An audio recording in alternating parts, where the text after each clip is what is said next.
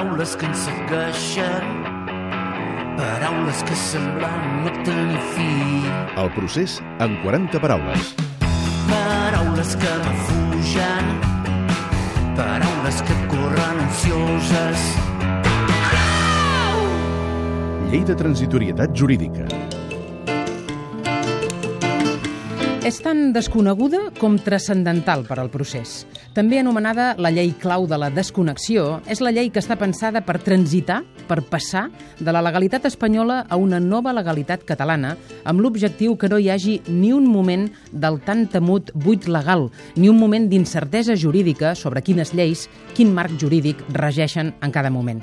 La majoria independentista del Parlament, sorgida de les eleccions del 27S, Junts pel Sí i la CUP, la té gairebé redactada del tot, aquesta llei, però no l'han feta pública perquè donen per fet que el govern espanyol la voldrà impugnar i diuen que no li volen donar pistes. Les úniques coses que se saben és que serà una mena de declaració unilateral d'independència en diferit. És a dir, que proclamarà que Catalunya es converteix en un estat independent sempre que guanyi el sí en un futur referèndum d'independència. Se sap que el primer article dirà Catalunya es constitueix en una república de dret democràtica i social i que tindrà una disposició final que condicionarà l'entrada en vigor de tota la llei a la victòria del sí en una futura consulta. Fins i tot s'ha apuntat que la regulació legal per emparar aquest referèndum es podria incloure en aquesta mateixa llei. Les úniques explicacions públiques que n'han donat són aquestes de Junts pel Sí i de la CUP. De la llei a la llei.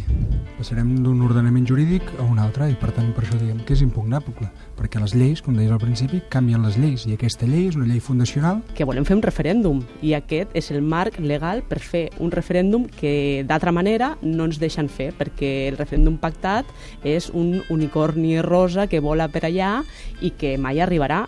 A l'oposició estan disgustats amb tant de secretisme. Si és la llei que des del seu punt de vista seria la més important dels darrers anys i fins i tot dècades de Catalunya, doncs eh, sembla eh, com a mínim estrany que vulguin presentar-la un dia al matí i aprovar-la a la tarda, no? Mm. Això jo crec que no és gens democràtic.